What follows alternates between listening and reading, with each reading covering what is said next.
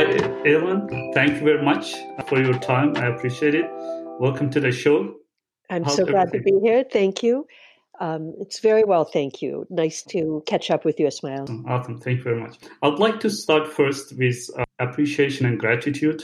The reason is that I I watched your TED talk uh, like I don't know it was two years ago or something, and then I watched it again while I was uh, doing my homework for this interview. you said something that was very interesting. You said that we uh, real people to people connection gives us something that any drone or advanced technology cannot give. Right. So I'd like to, I'd like you, if you don't mind, to elaborate on this a little bit. I'd, I'd love to. You know, it's funny uh, to look back on that that talk because it's a few years old, and it was yeah. Before even making it. Then it was before we knew about um, the changes, not only societal changes, but really uh, personal changes that our increasing reliance on technology was going to bring. And over the years since that talk was recorded, it's become increasingly clear that. Um, well, we already knew that everything we do changes our brain. Uh, the brain is a survival mechanism, and what it does very well is map our past actions, including our recent past actions, to its sort of uh, master plan for what we what it thinks we need to do to survive uh, to, to, survive because the brain is a survival mechanism. It's here to make us survive. So what i want to point out is that as the brain increasingly uh, interact as we as humans increasingly mm-hmm. interact with various technologies and the brain increasingly documents those interactions here's the thing um, mm-hmm. There's a, a line from the world of neuroscience. It just makes a ton of sense. It says, Your brain will do more of whatever it's doing right now. That was another question, actually. That's awesome that you mentioned it. oh, yeah? Oh, that's so yeah, funny. Yeah. Well, yeah. I'm sure it'll come up again because, as you know, thinking about life and the way we live it through the lens of the brain is really so much of what I do. So, if your brain will do more of whatever it's doing right now, we can kind of extrapolate that out to say that since your brain's job is to keep you safe and alive, it's going to document, if you will, everything that you're doing and do more of it. So the more we use technology, the more the brain documents that, ah, this is what he or she, you know, what they need to do to survive. The more we are out in nature, the mm-hmm. more the brain is going to say, ah, that's what they need to do to survive. And this wow. is not a new thing. This is part of uh, this is part of being human and has been since time immemorial. However, as we move increasingly, and by the way, there's some real irony to saying this today because both you and I are currently on shelter in place because of mm-hmm. you know the the coronavirus this year. Yeah. But the more we rely on technology to be our touchstone or our touch point or our gateway to what we see as experience, the more the brain thinks that is what we are here to do. Okay. And we have to know that everything we do has a trade off. So, one of the things, one of the trade offs that we make by relying increasingly on technology is we activate parts of the brain that are associated with more literal or linear problem solving, more if then scenarios, uh, and much less access to see sort of creativity, emotional engagement, uh, some of the things that really engage us more even biologically like eye contact or mm-hmm. you know things that we don't even quite know how to measure right now which are about the way we really do connect as people so wrapping this thought up what i would say is that the increasing reliance we have on technology mm-hmm. and is changing our brains as a species at a velocity uh, a uniformity and a homogeneity that really is unprecedented in our, you know, very, very long human history. And this is a very good time for us to remember that we are biological beings. We're not just brain beings. We are so much more than just our brain functions.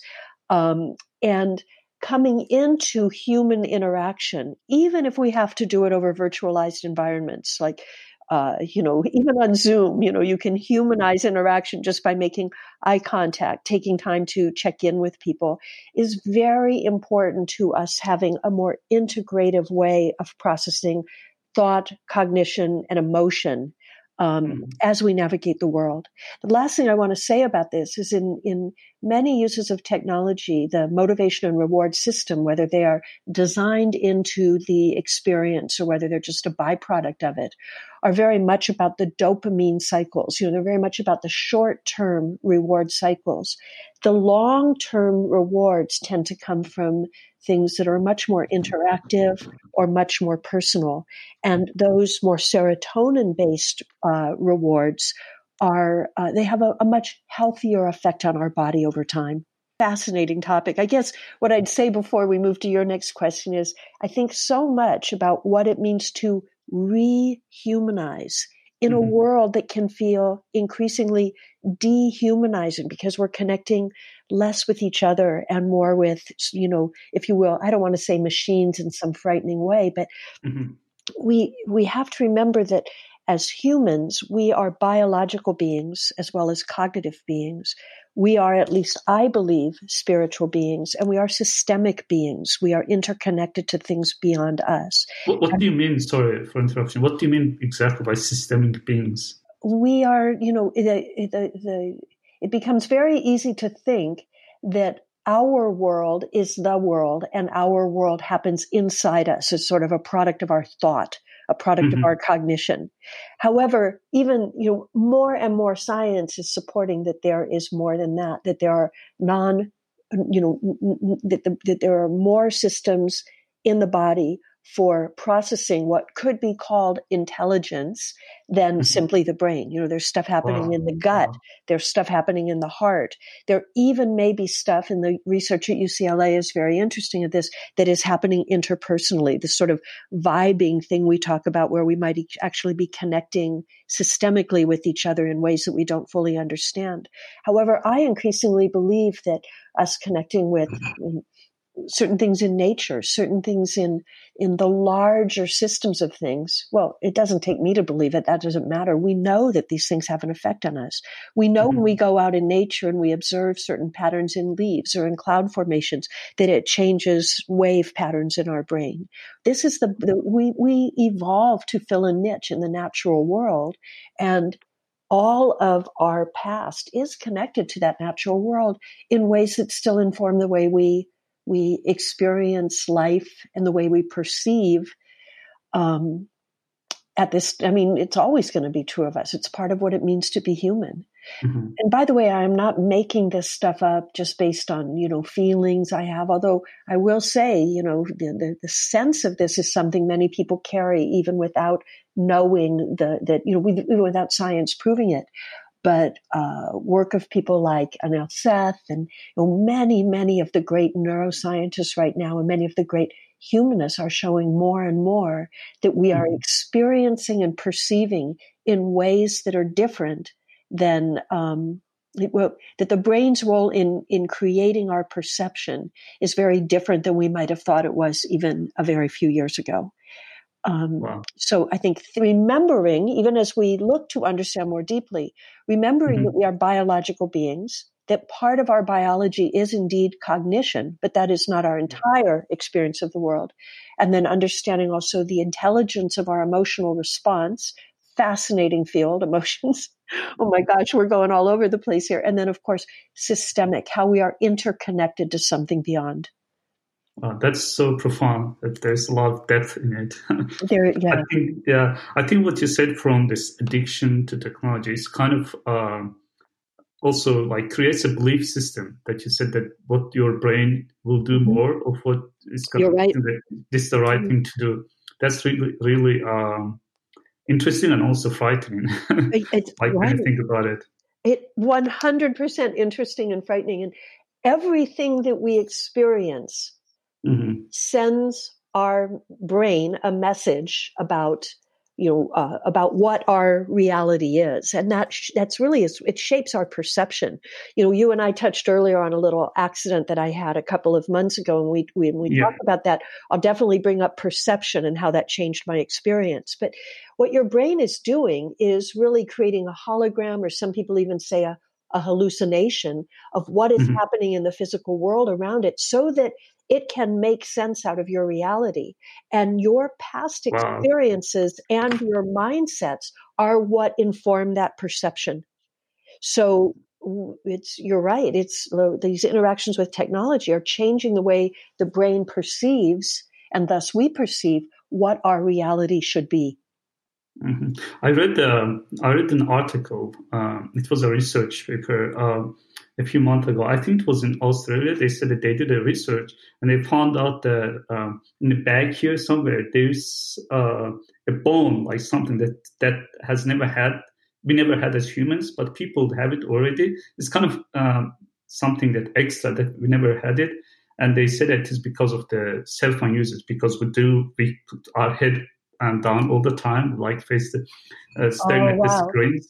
Yeah, that I don't remember exactly the uh, the name of the article or something. I think it was in bigthink.com. Uh, I I came across there. I said, "Wow, that's crazy." So one one of the things that I think we we are learning at this time of rapid change, because there are many changes out there, is is how the body adapts uh, in ways that we haven't understood before to whatever experiences we have. You know, if I had become a ballet dancer as a young girl, my bones Mhm. would have aligned in a different way than they did if I had, you know, just been a normal kid riding my bike around. I mean, our bodies do adapt and even as as adults you know we get repetitive motion things and so forth as our bodies adapt or maladapt to the environments around us. But to think that uh, that it is a phenomenon that people are actually experiencing a change in the vertebra because of that turtle position we use by looking down.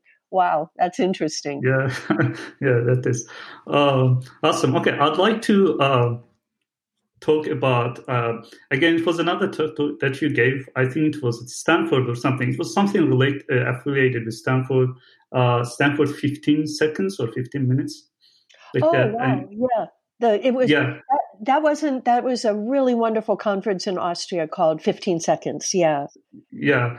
So um, it was awesome. It was a great talk, and also as someone who is so addicted with the like the routines and disciplines to be more productive and stuff, you had this um, kind of uh, description that, that you had the key, you had the lock, you, you were thinking that you have the key, but then you completely ended up in a different place. That basically you, yeah, you gave up everything. yeah You- you- i love you- it yeah Yeah, I'd like to talk about that. I'd love to share it. So, you know, we, uh, the talk is about a, a, a, a, a process or a pattern that occurs in the brain that has the most awkward and silly name. It's called the default mode network. And I won't, uh, it's really funny to very briefly, they came up with the name because they saw the, when people were under fMRIs, so functional magnetic resonance um, imaging machine, Mhm. and they would be given these cognitive tests where their brains would do all these things so they could go, oh, it's happening in the Broca's area and the you know medial front or whatever. And then then when they would tell the person, hey, basically take a break, you know, just veg out for ten minutes, we'll be back to do another test. They would watch Mhm. their brains start to go crazy, like these weird patterns coming up. And in fact, it was sort of a funny little secret in or funny little thing in some uh, research communities because nobody wanted to admit like they thought there was something wrong with their machines or something that these brains that they were watching were having these weird activities when people were doing nothing you know air quotes nothing and then people started talking about it and the, the, what they realized is that when we are spacing out and it's my favorite favorite way to describe it when we're just vegging out reflecting spacing out Mhm. our brains activate a fascinating and really powerful integrative function that allows um, them to map new incoming information to longer held information in the way that creates what many people call the aha moments or you know, Mhm. some people call the default mode network the D, also called the dmn the yeah. I mean, I'm sorry. yeah, the DMN. They call it the genius lounge of the brain. And so, one thing I did before you and I uh, spoke this morning, I and I even mentioned this in my talk. I love to cook. I absolutely love to cook, and I find and I love to chop vegetables. And I find when I need to solve a problem, when I have something on my mind that I can't figure out, Mhm. I have I've learned over the years that doing a routine task like chopping vegetables Mhm. how, and really just focusing and letting myself space out as I do that allows me to catch up with my thoughts in a really interesting way. So whereas we might be trained or educated to say, if you don't, if you have a problem and you're looking to solve it, put a system in place, do this first, do that first, you know, well, that may work for some things, but for really integrating and mapping the larger sort of context, spacing mm-hmm. out is a great thing. And so I think I said in the talk that if Isaac Newton had, you know, yeah, been, yeah like calculating, yeah, he, he worked for 10 years bringing those thoughts together that finally led to that epiphany that he had when, you know, the apple fell, as legend goes. Mm. And actually, yeah. you know, it's, it's quite fascinating. He, his, even Einstein would speak about this, that you kind of have to turn off thinking to get the insight. And that is the default mode network at play. Now, these days, we are occupying more and more of our space out time with easy go to dopamine rewarded distractions. Like our, our, you know, our space out time might be go play a game on our, our mobile or check off all of our email or something. We're so addicted to this productivity and get everything done that we mm-hmm. have sort of whittled the the the space out time out of our days and out of our lives and we, that's okay. We simply have to know that, like with everything, we pay a price for that. You know, when I was growing yeah. up, and I grew up in Silicon Valley in the 70s, 60s and 70s, a long time ago, when we would meet new people, even when my parents would go to like a neighborhood gathering or something, the mm-hmm. first question wasn't like, So what do you do for a living? that it might be now. It was probably something more like, So what are your hobbies? Or what do you like to do on the weekends? Even so that was a daily conversation that were happening? Oh yes. Um, wow. oh yeah. My father had so my father who was an entrepreneur and an engineer he had mm-hmm. he had hobbies. My mother had hobbies. All the kids had hobbies. It's like the downtime stuff was really a primary force in our lives. And that is not true anymore. Yeah, it's not. It's not. So, one of the things I've been having fun with in the shelter in place time, and I don't want to be irreverent about shelter in place. And I also want to be extremely mindful of the people who, you know, aren't able to work from home and the hardship that creates for them. But I've been, I've been kind of up in my hobby game a little bit. I've been mm-hmm. listening to background music and spacing out. And, you know, I, I, did some sewing the other night. I haven't sewed since I was like 12 years old. so making time to space out and also making time to reflect um, in a very non-directed way. Just let the brain catch up with itself. Um, these are things that are extremely healthy for our integrative cognition and really for us um, managing our, our, our progress along the things that really give us value and meaning in our lives. Um, this, the sense of catching up with ourselves can't be done when we are busy all the time. And right. creating time not to be busy is, I think, one of the healthiest things uh, emotionally and cognitively any of us can do yeah, that's really hard to believe that you have to stop, give up everything, be away from email and uh, social media and stuff. That it's going to help you to be more productive and creative. It's yeah, it's it's a little bit of a paradox, isn't it? Yeah, it is. It is. Yeah. And yet, the last thing I want to say is we have to mm-hmm. remember that so many of the applications that we use and interact with, you know, they were designed to to, they were actually because I, I, I was there at Apple when this was going on. They were designed to help people get their work done more efficiently, so mm-hmm. they could have more free time to do what they really wanted to do.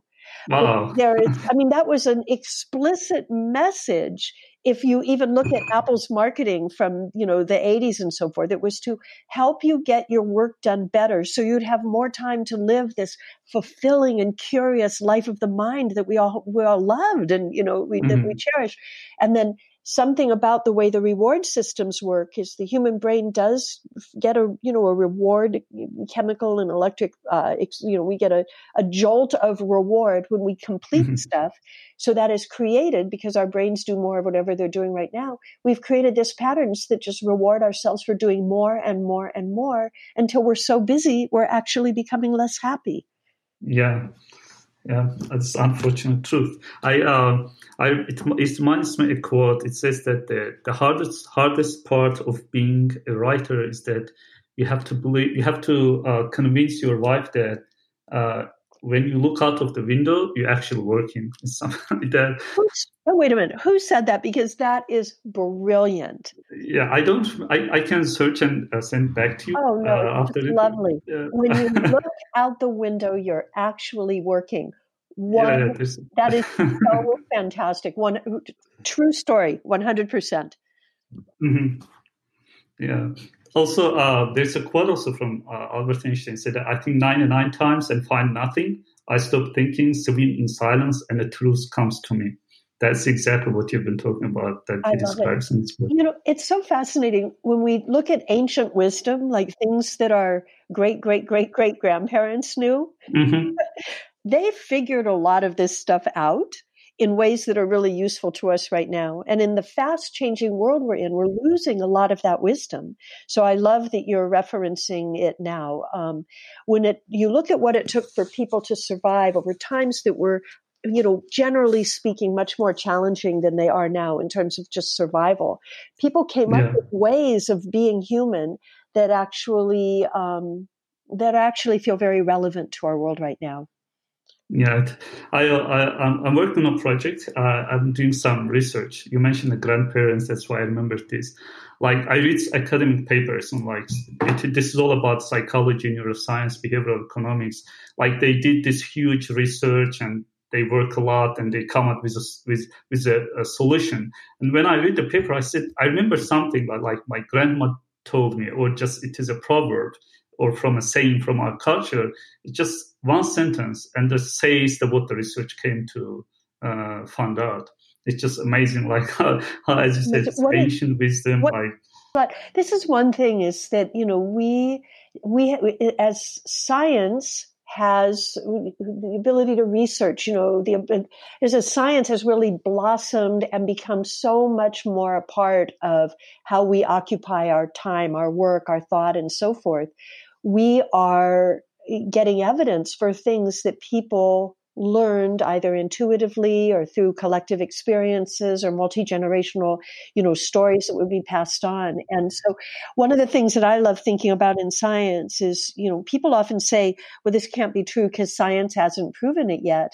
And um you come back and say, you know, just because science hasn't proven it yet, I think it, I don't think we should necessarily say there's no way that it can be true. Yeah, yeah. And this gets back to curiosity, which was a big part of, of the course. You know, how the more educated we become, we tend to dial down our curiosity and deal more with, we rely on more the world of facts and answers rather mm-hmm. than the world of possibility and questions and how limiting that is to innovation, to creativity. I'm not saying that the facts and the answers aren't valid. They're essential. Thank goodness for all that we are learning from science these days. Yet there is art in remembering to balance mm-hmm. that with the unknown and the curious and the possible amazing. That's amazing.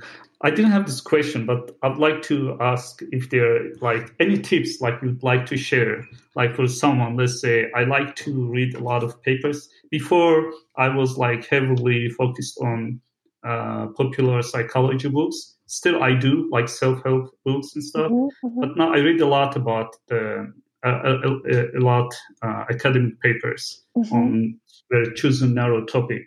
Is there is there any tips or like tricks that you'd share that we can kind of balance the curiosity and also our like love of science? Our, our, our yeah.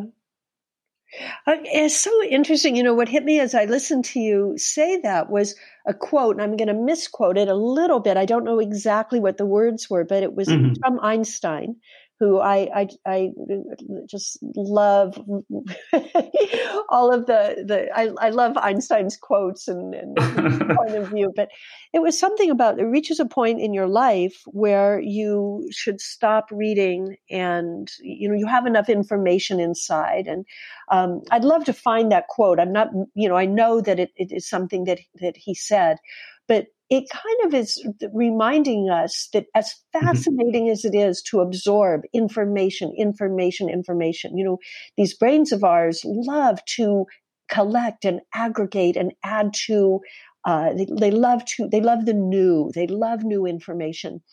However, it's also very important to be generative and to ask ourselves, now, what do we do with all of that information? So I love to talk about information coming in and information going out. And writing and reading are not the only ways. So um, I, I have really seen people uh, increase their creative game when mm-hmm. they add things very different to the mix of their experiences. So, for example, um, one of the people that I coached years ago started a doodling practice as this was a, a research scientist. Uh, mm-hmm but who was kind of facing some blocks, and they they moved through these blocks by doodling.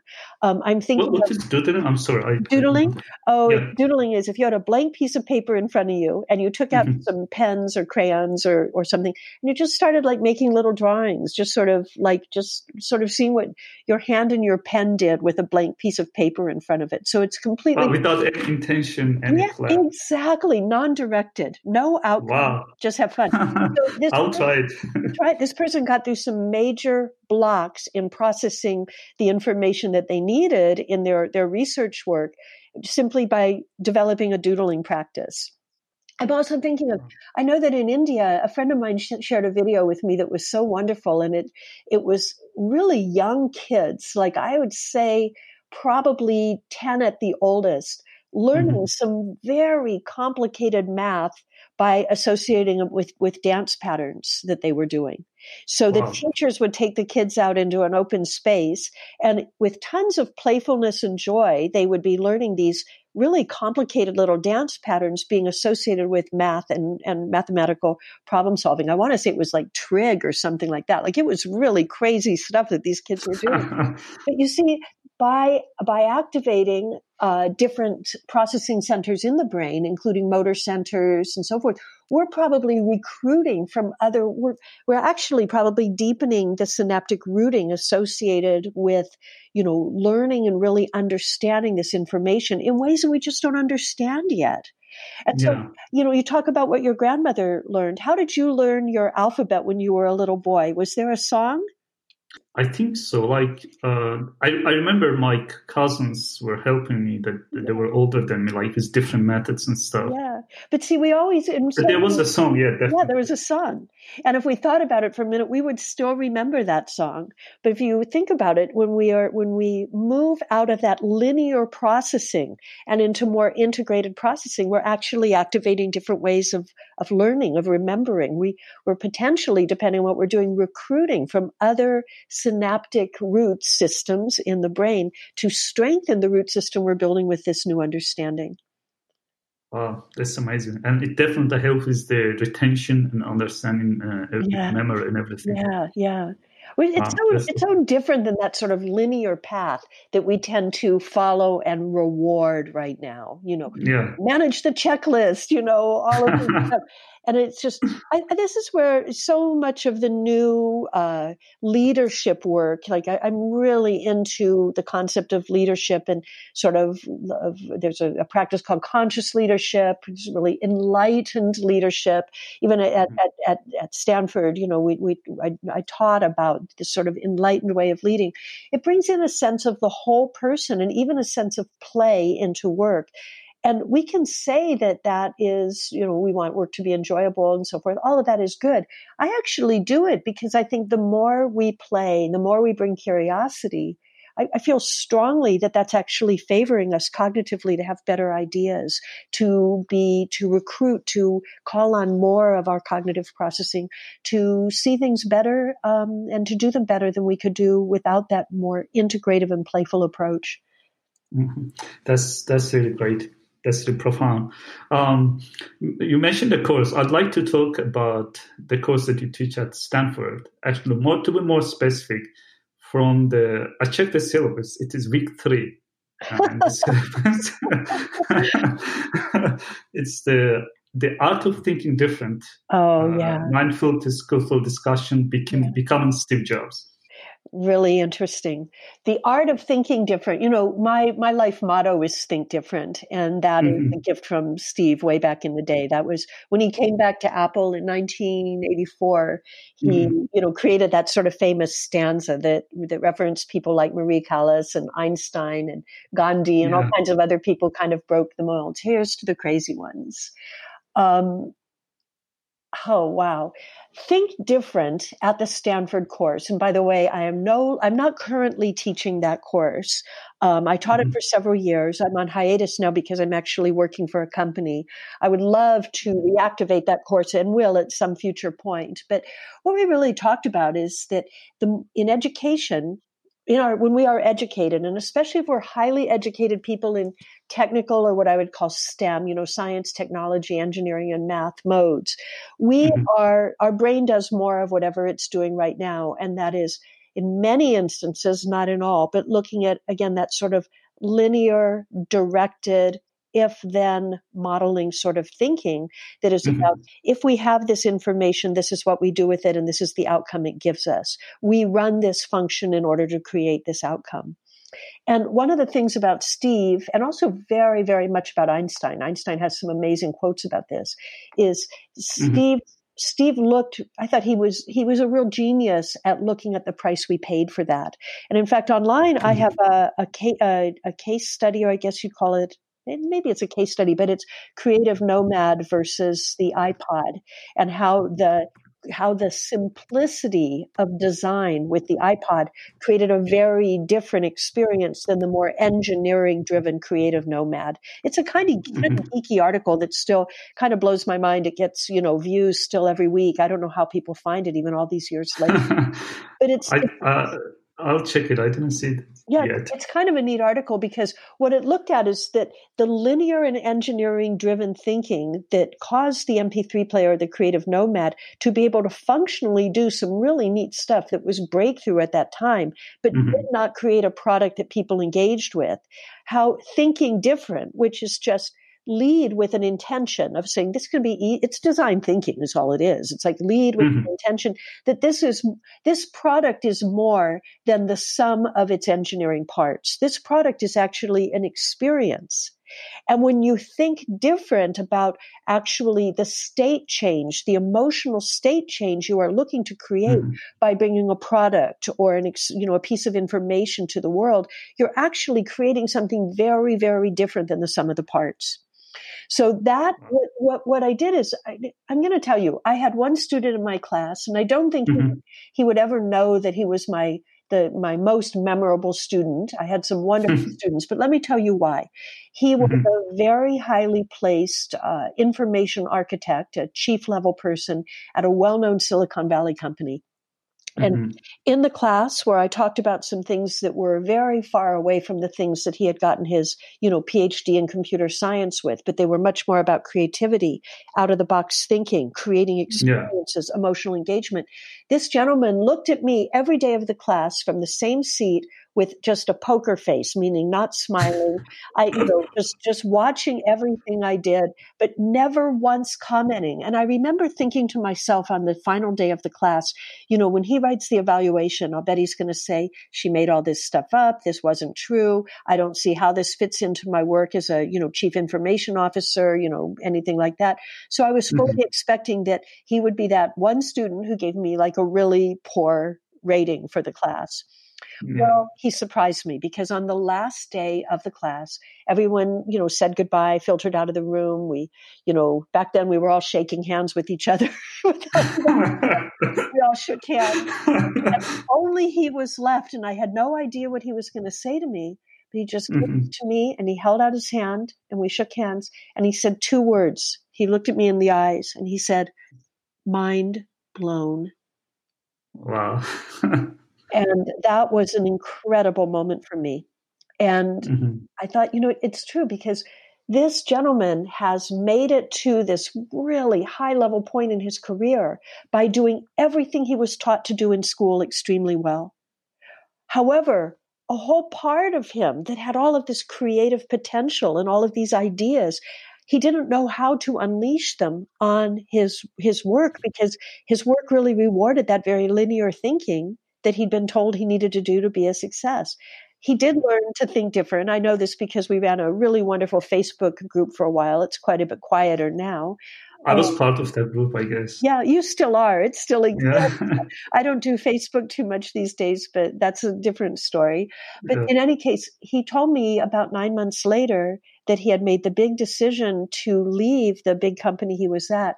And he joined a really creative and cool startup where he was you know, working with people very much unlike himself and getting back down into a, you know, roll up your uh-huh. sleeves. And, and he was having he was having an amazing time. So I think he did master that art of taking everything that had brought him to that point, but then remembering that he was inherently a very creative, think different type of person who probably entered technology to find a way to apply his brilliance, his creativity to, you know, work. And he found a way to integrate those. And that was super satisfying to me. We all have that mm. different per, per, per, potential. You know what? I'll tell you, it is so much easier to rely on the facts that other people have objectively proven than mm-hmm. on what we know inside. And that is that we have something of unique value to bring to the world. Wow. Yeah. And that's, that's what awesome. Steve was really good at. Wow, that's awesome. Uh, I, uh, I have to say, I'm also uh, mind blown listening to you. You're so kind. I really mean it. It reminds me something. Uh, are you familiar with Rumi, the poet oh, that back to that ancient wisdom. There we go. Yeah, right? yeah, Rumi, yeah. I mean, honestly, you can read mm-hmm. Rumi with such relevance for today. And in fact, if your listeners, they would be doing themselves such a favor if they even like. Trust me, there's nothing in the world I can say that will give them what Rumi can say. But go and read Rumi wow. and map it map it to these modern times and you will be you will be getting gifts. Yeah i i don't know if you heard this story or not. There's someone called shams. It is kind of the mentor or coach as in today's way of rumi. One day uh, rumi comes to home and he sees that the shams his mentor or coach uh, took all of his books and throw them in, in, in, there was there was a pool something like a pool in, inside that pool and it's like all all the books and he comes he gets really upset he gets really mad. He said that to me because Rumi was someone who was like an avid voracious yeah. reader. Yeah. And and then his mentor says that okay he said that you read these books and then you say that this this uh, like for example person said that this said that. Like you talk about all the ideas of other people but when are you going to say something Oh mm-hmm. wow. Oh, so can I'm going to go into that and this is this is now we're we're really going off the the linear path, but more and more research and experience and reference to ancient wisdom and I even kind of dislike that I led with referencing research for this because you know it,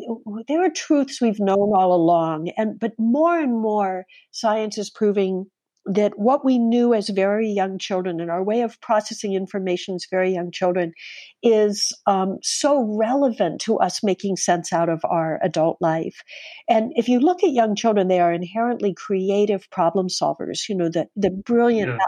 Alison Gopnik, who I, I, I, cite a lot in my teaching and also in, in writing that I've done, really looks at that creative genius that every little child is. And the process of turning from a child to an adult is learning the rules of being human in ways that actually direct our cognition and our ways of solving problems in based on external learning rather than original knowledge. And when we can reconnect with that knowledge that we all have inside and here's a mm-hmm. question that's a kind of an intense one, but doesn't everybody inside know that they are sort of meant for more than this? They're meant for more than what they are in their life now. That sense that there is something inside us that is really great and that has outlier potential to contribute and to be of value and to be of worth is a huge part of what fuels us. Either, you know, we could say maybe it's purely cognitive, but maybe it's also spiritual as humans. And we knew that when we mm-hmm. were kids, we were natural at it. What can we do to, I, I love the word unlearn, to unlearn, yeah. to unlearn without forgetting what we've learned, some of the things that limit our thought and go back to that place of more creative, original access. Wow. I think I will share this as a quote when I share the podcast. wow, wonderful. Um, well, that's really awesome. I'll ask a question. You mentioned the Alison Gopnik. Is there a book that uh, by this um, by Alison? person? Yeah, Yeah.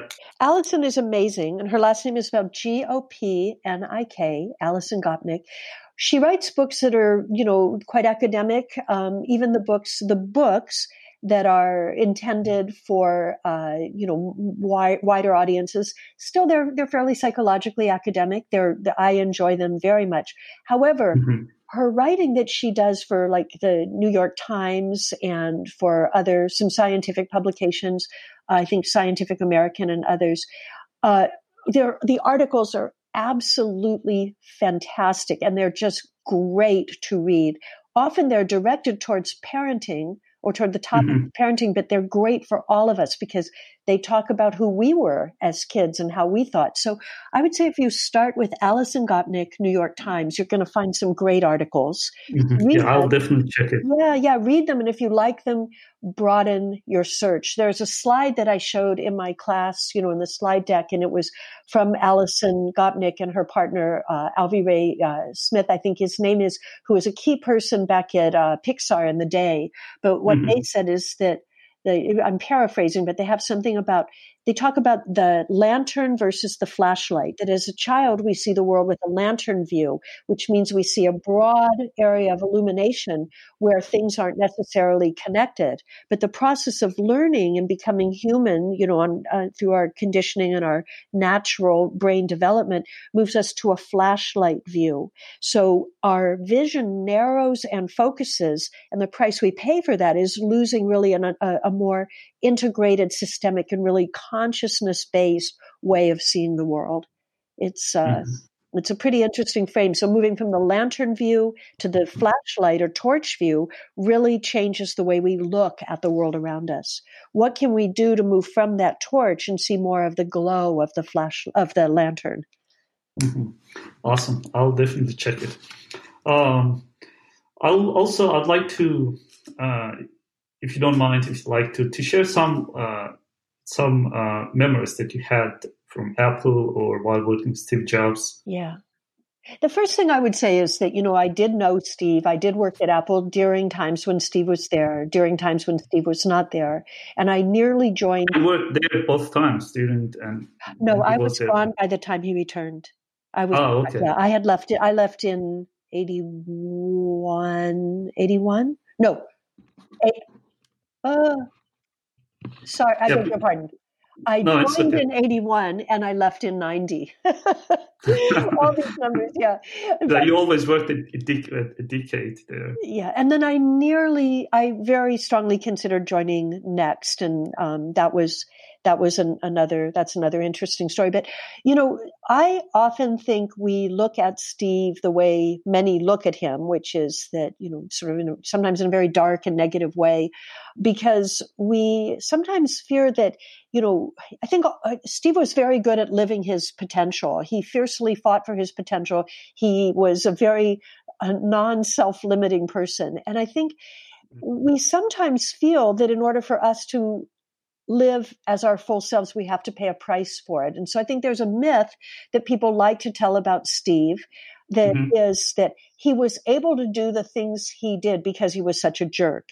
And the myth that Yeah, there's a lot. Of, yeah, the story answer. that we tell ourselves is, you know, I'm not doing all these things that I know I'm capable of, but at least I'm not a jerk. Now, I'm not going to say that Steve, you know, treated people in ways that I admire all the time, and there's certainly things that he did that I, I mm. believe he could have he could have led in better ways. He could have influenced people in better ways. However, I I I have so much admiration for his leadership and for the mm. influence and the courage that he had in helping people become their best, their highest level contributors. So there's a famous story about Jony Ives where Jony is with a group of engineers and they're doing a design review and Jony's giving him feedback, giving them all feedback and saying, well, this is, looks pretty good, but I think you could make it a little bit smaller, blah, blah, blah. And Steve says to him, Jony, you are vain and conceded. It was more important for for you to have those people like you than it was for you to have them do their best work. And Jony mm. got mad and he said he went and pouted for a weekend and it was, you know, I can't stand Steve. He's such a jerk, you know, all this. And I was suddenly went like, wait a minute, he was right. I was afraid to tell them, wait a minute, I know you can do better than that and push yeah. them to a higher level. That takes courage, and sometimes it's not comfortable. But if you it's real leadership, right? It's leadership. So if you if you read an article that I wrote, it's called "The Path to Thinking Different." It says that a guru that Steve sort of tried to learn from, it's sort of explained in the story, ended up never meeting him, in India, was known to go into rooms when people were meditating and he would just kick them or push them over. And it sounds like that's pretty jerky, right? He's like, what a jerk. Yeah. However, then he would say to them, you you know you weren't pay you weren't deep enough you weren't like i know you can do better than you've done now with conscious leadership which is a framework i really love and that i hope i practice in my work it's very common for me to say to people like hey, you know, Terry, I'm worried. I see you doing this and I know it's not your best work. And if you keep doing this, you're going to be in trouble because you won't, not in trouble, I wouldn't say that, but you're not going to meet your goals. You're not going to be successful. You don't want that and I don't want it either. What do you want to do to fix that? So that is mm-hmm. hopefully a blend of being very direct and challenging with people rather than, you know, just tell, making them feel good about themselves. And I have to say, I admire Steve's example, although not always mm-hmm. perfect, of doing that with people. And something I really learned at Apple. Um, mm-hmm. Steve was very intimidating. There were times in my, the first time I met him, I literally could not even let myself get 10 feet from him. I was just completely blown away by some sort of power he had that was very intimidating to me. But, you know, then I think about the last time I saw him and it was accidental. We bumped into each other in the mm-hmm. cereal aisle of a grocery store. And we were almost shoulder to shoulder with each other, both of us reading labels on the back of cereal boxes. And we looked at each other and it, it was such a, it was such a beautiful change from the first time I ever was, you know, face to face with him because I still remember his smile and how lovely it was to see him and how how deeply deeply deeply I admired him by that last time that I saw him. He's definitely a person that I've learned a tremendous amount from. Most of it mm-hmm. indirect, a small amount direct. Um, and if I learned it indirectly, anyone can learn it indirectly. We just have to decide how we want to learn from him. Do we want to say he was a jerk and that's why he was great? Or do we have to say maybe he was courageous enough to demand of others what they were really capable of achieving in the world? Wow, that's that's awesome. Also, an excuse like I'm not successful at this yes. because I'm not a jerk. You're, it's an easy right. excuse. Remember, I told you that your brain keeps you safe, is here to keep you safe and alive. Yeah. and it's here to tell mm-hmm. you keep doing exactly what you've been doing because you're alive doesn't care if you're happy or satisfied or fulfilled or achieving what you know you're here to achieve. It just knows you're alive. so, yeah, so you're right. We can use an excuse. Well, at least I'm not a jerk, you know? Yeah. But, and also, he's popular, popular a lot with the reality distortion field, which yeah. I tried to apply to my own life in my own way. I failed miserably. Uh, did you have any experience with that? Like, absolutely, like absolutely, yeah. absolutely. You know, I have a little bit of a reality distortion uh, field experience with the CEO that I work for now. He is mm-hmm. really good at coming into the room and sort of saying, "This is the way it's going to be," and here's what I see, and so forth. And you leave, and you go like, "Oh my gosh!" You're just mesmerized, and then only once that wears off do you say, "Hey, on the other hand, have we thought about this?" You know, and so forth. Here's what I want to say to you right now, and that is, we are all creating reality distortion fields and in reality distortion fields all the time. So that's the way the brain works. But this is where that reflective process of sort of stepping away and not getting sort of bamboozled or led down a path by someone's, you know, force of intention or something, and then coming back and reflecting you know, kind of doing that thing of saying, well, yes, and is a way we can harness the power and the vision of a reality distortion field, but map it to something that is maybe even better than, than that distortion, even more real, has more potential to become real than that reality distortion field does. If Steve didn't paint an audacious vision of what was mm-hmm. possible in the world, we could not have reached as a company that high mark of delivering the Macintosh. Trust me, there were some things, and I don't take any credit for the Macintosh. Trust me, that's not what I'm mm-hmm. saying. All hail to the hundred names that are inside that first box. And my name is not in the box, you know, but the hundred people who contributed the most are. But I promise you, there were things that Steve believed would be possible or even necessary with the with the uh, Macintosh that, that weren't delivered. But if he hadn't set that high bar of reality distortion, people would have stayed on that linear trajectory of what was possible rather than imagining an alternate mm-hmm. future state that they could, you know, say, well, oops, I'm sorry, I had a. No problem. I hate when that happens. I, I did decline it. But the, if he had not distorted reality, people would have continued seeing personal computer on the same paradigm, the same, you know, linear path that it already was, which is like the Tandy or the Radio Shack or, you know, even to some extent the Apple II. But you couldn't get to mind blown unless somebody had done some reality distortion. Thanks to Steve for that. We've all benefited. Yeah, definitely, definitely. Also, um, you said that he wanted to meet this uh, guru in India. I said that he, he wasn't able to meet it later. The in, the guru died. You know, information didn't travel as fast back in the day as as it does now. But there was this guru who was the guru who had uh, had sort of inspired Ram Dass, a, a great spiritual mm-hmm. leader. Um, and Ram Dass wrote a book called Be Here Now, which is yeah. Uh, yeah, very interesting book about his time with this guru and also about his time with psychedelics, but that's a that's a different story.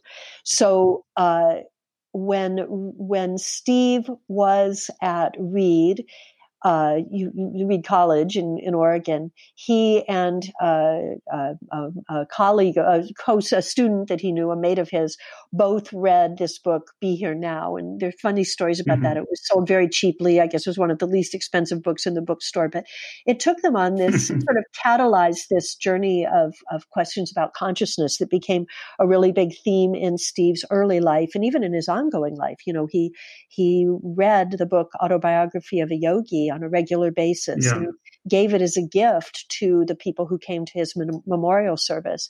So eh, he he went to India specifically on a quest to meet this guru, only to learn that the guru had died a few months before he arrived.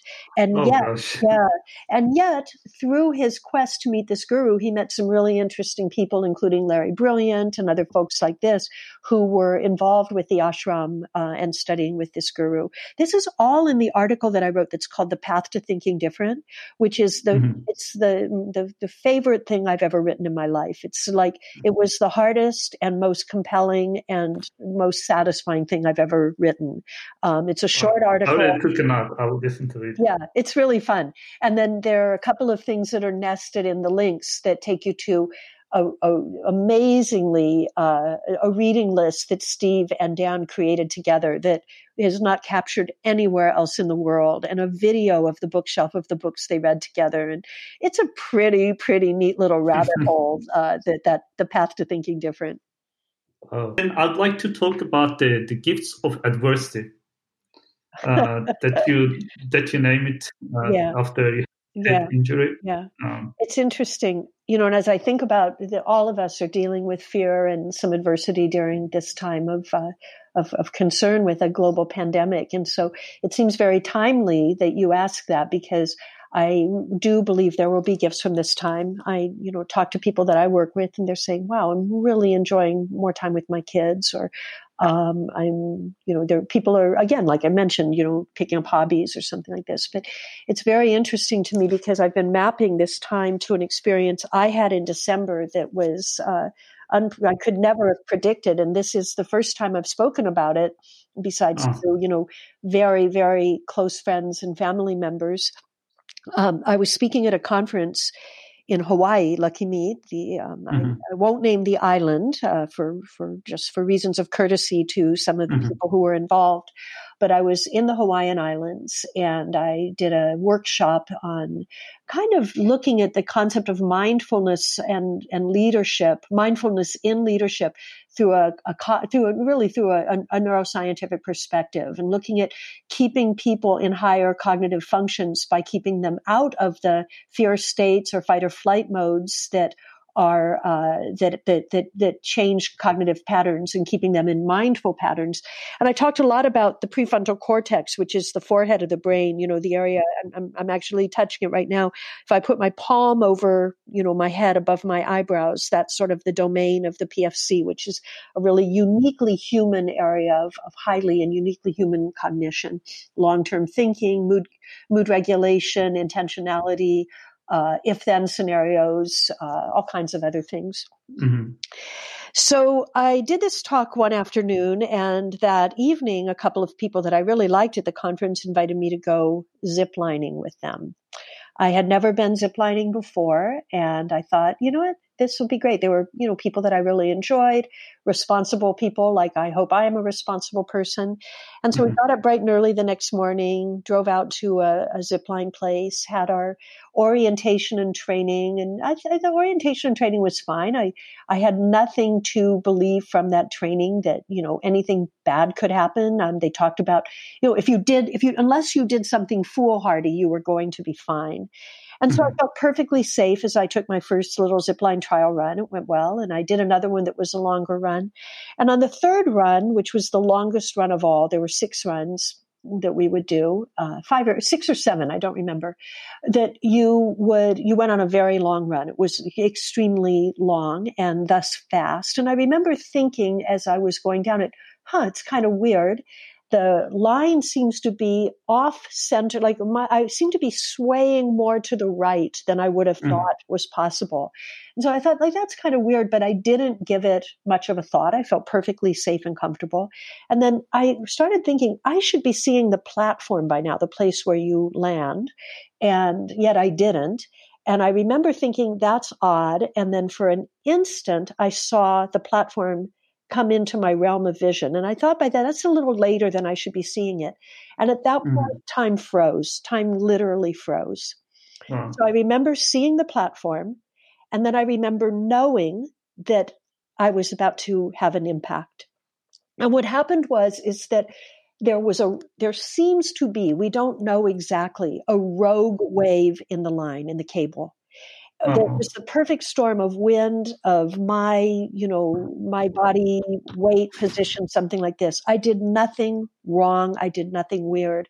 But for some reason when the rod of the trolley that i was on hit the braking block that would cause it to break the the physics of it were such the angle of the way that that cable was such was take a deep breath here that the other end of that rod hit my helmet like a battering ram Wow. Now, time froze before that happened. And so I had this very strange, what I would call chapterization of the accident, where I, I remember literally thinking in slow motion, there's the impact. And then I knew on some level it was going to refer down to the strap of the helmet. And I felt the strap then lacerate my forehead. And then I, I knew it would refer down to lower and I felt it hit my glasses and my sunglasses. You have to wear sunglasses. Mm-hmm. And then sorry for what I'm about to say. It's a little bit graphic, but I heard it break my nose. And then at that point, of course, head injuries, they do bleed. I'm sorry for the squeamish out there, but the blood started coming. And my first thought was, and then instantly went, I went, and I'm alive. And it was the strangest experience I've ever had in my life. And I felt at that moment that it could have, I knew it could have gone either way. It could have been a very, very, very bad accident. If it been two inches lower, this would have been a very different scenario been two inches higher, nothing would have happened. I would have been like tens of thousands of other people who've done this zipline thing. But it just the way that it hit. So I had a, a significant head injury. But you know, when I two things is first of all, I was in a remote place where it was going to be hard to get down, and I knew that if I panicked or had fear, that I mm. would go into different cognitive patterns than than I would have if I looked at this as just information, what was happening. So I applied the things I'd actually used in the workshop yesterday, the day before, about intentionality, mindfulness, and even conscious leadership to say, okay, I am aware that this is happening, but I'm not going to judge it. It's very Buddhist. And I called this experience that I had of a significant laceration in my head. You know, I ended up having quite a number of stitches and, you know, quite a long time to heal with the, the nose and everything. And I said, this is not pain. All this is is information. This is wow. the information that I get when I have significant you know, when, when, when something has hit my head, I just didn't judge it or interpret it at all. I just looked at the facts, not at the story that I made up, like, oh my gosh, I have head trauma and I'm going to have a scar and injury. And so as a result of that, in this really weird way. I was I was able to get down the mountain very quickly, very safely. I used everything I did as a cognitive test. Is my is mm-hmm. my you know coordination right? Uh, I I did have them do a little test on me to see if I had a concussion, and it seemed that I didn't. So I felt I'm good enough to at least try. So. Um, and since that time, I have to say that my sense of because I look at this and say that could have been a, a very different accident than it was. And at this point in this life, it reminded me that nothing is promised. Nothing. I I could have that that my last moment could have been that moment I felt that impact, and I wouldn't have known the difference.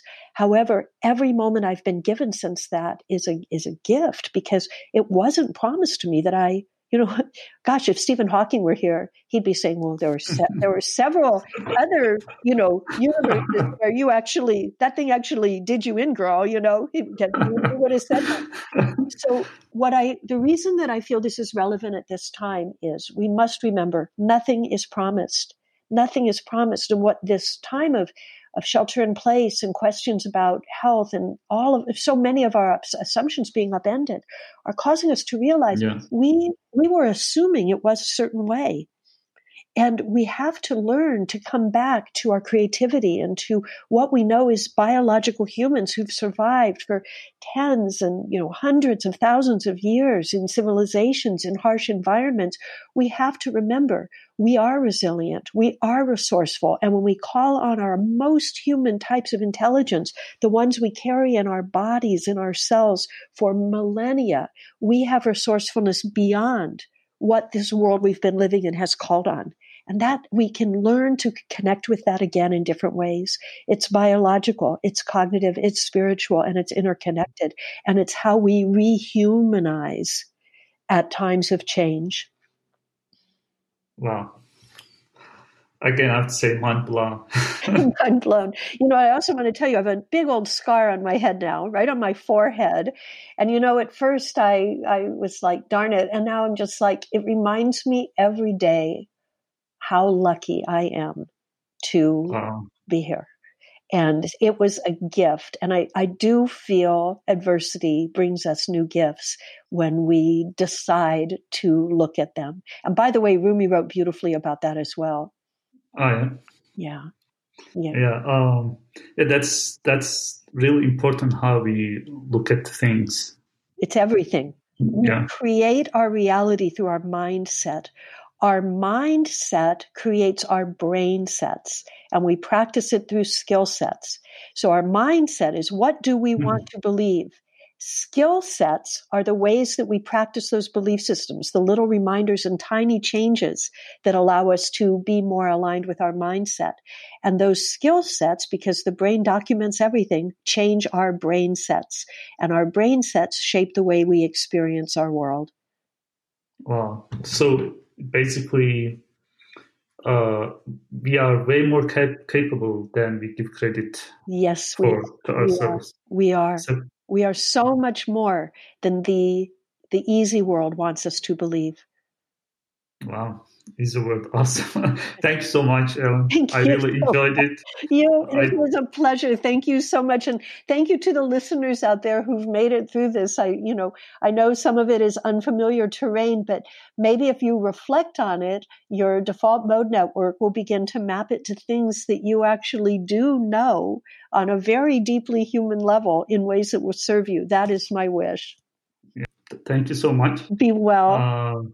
Uh, I'm sure that all listeners they will like it, they will enjoy it, and also they will learn a lot. I hope so. Uh, Very yeah. grateful. And at some point, I'd be happy to speak again if that is your your desire. Yeah, I would. I would definitely love it.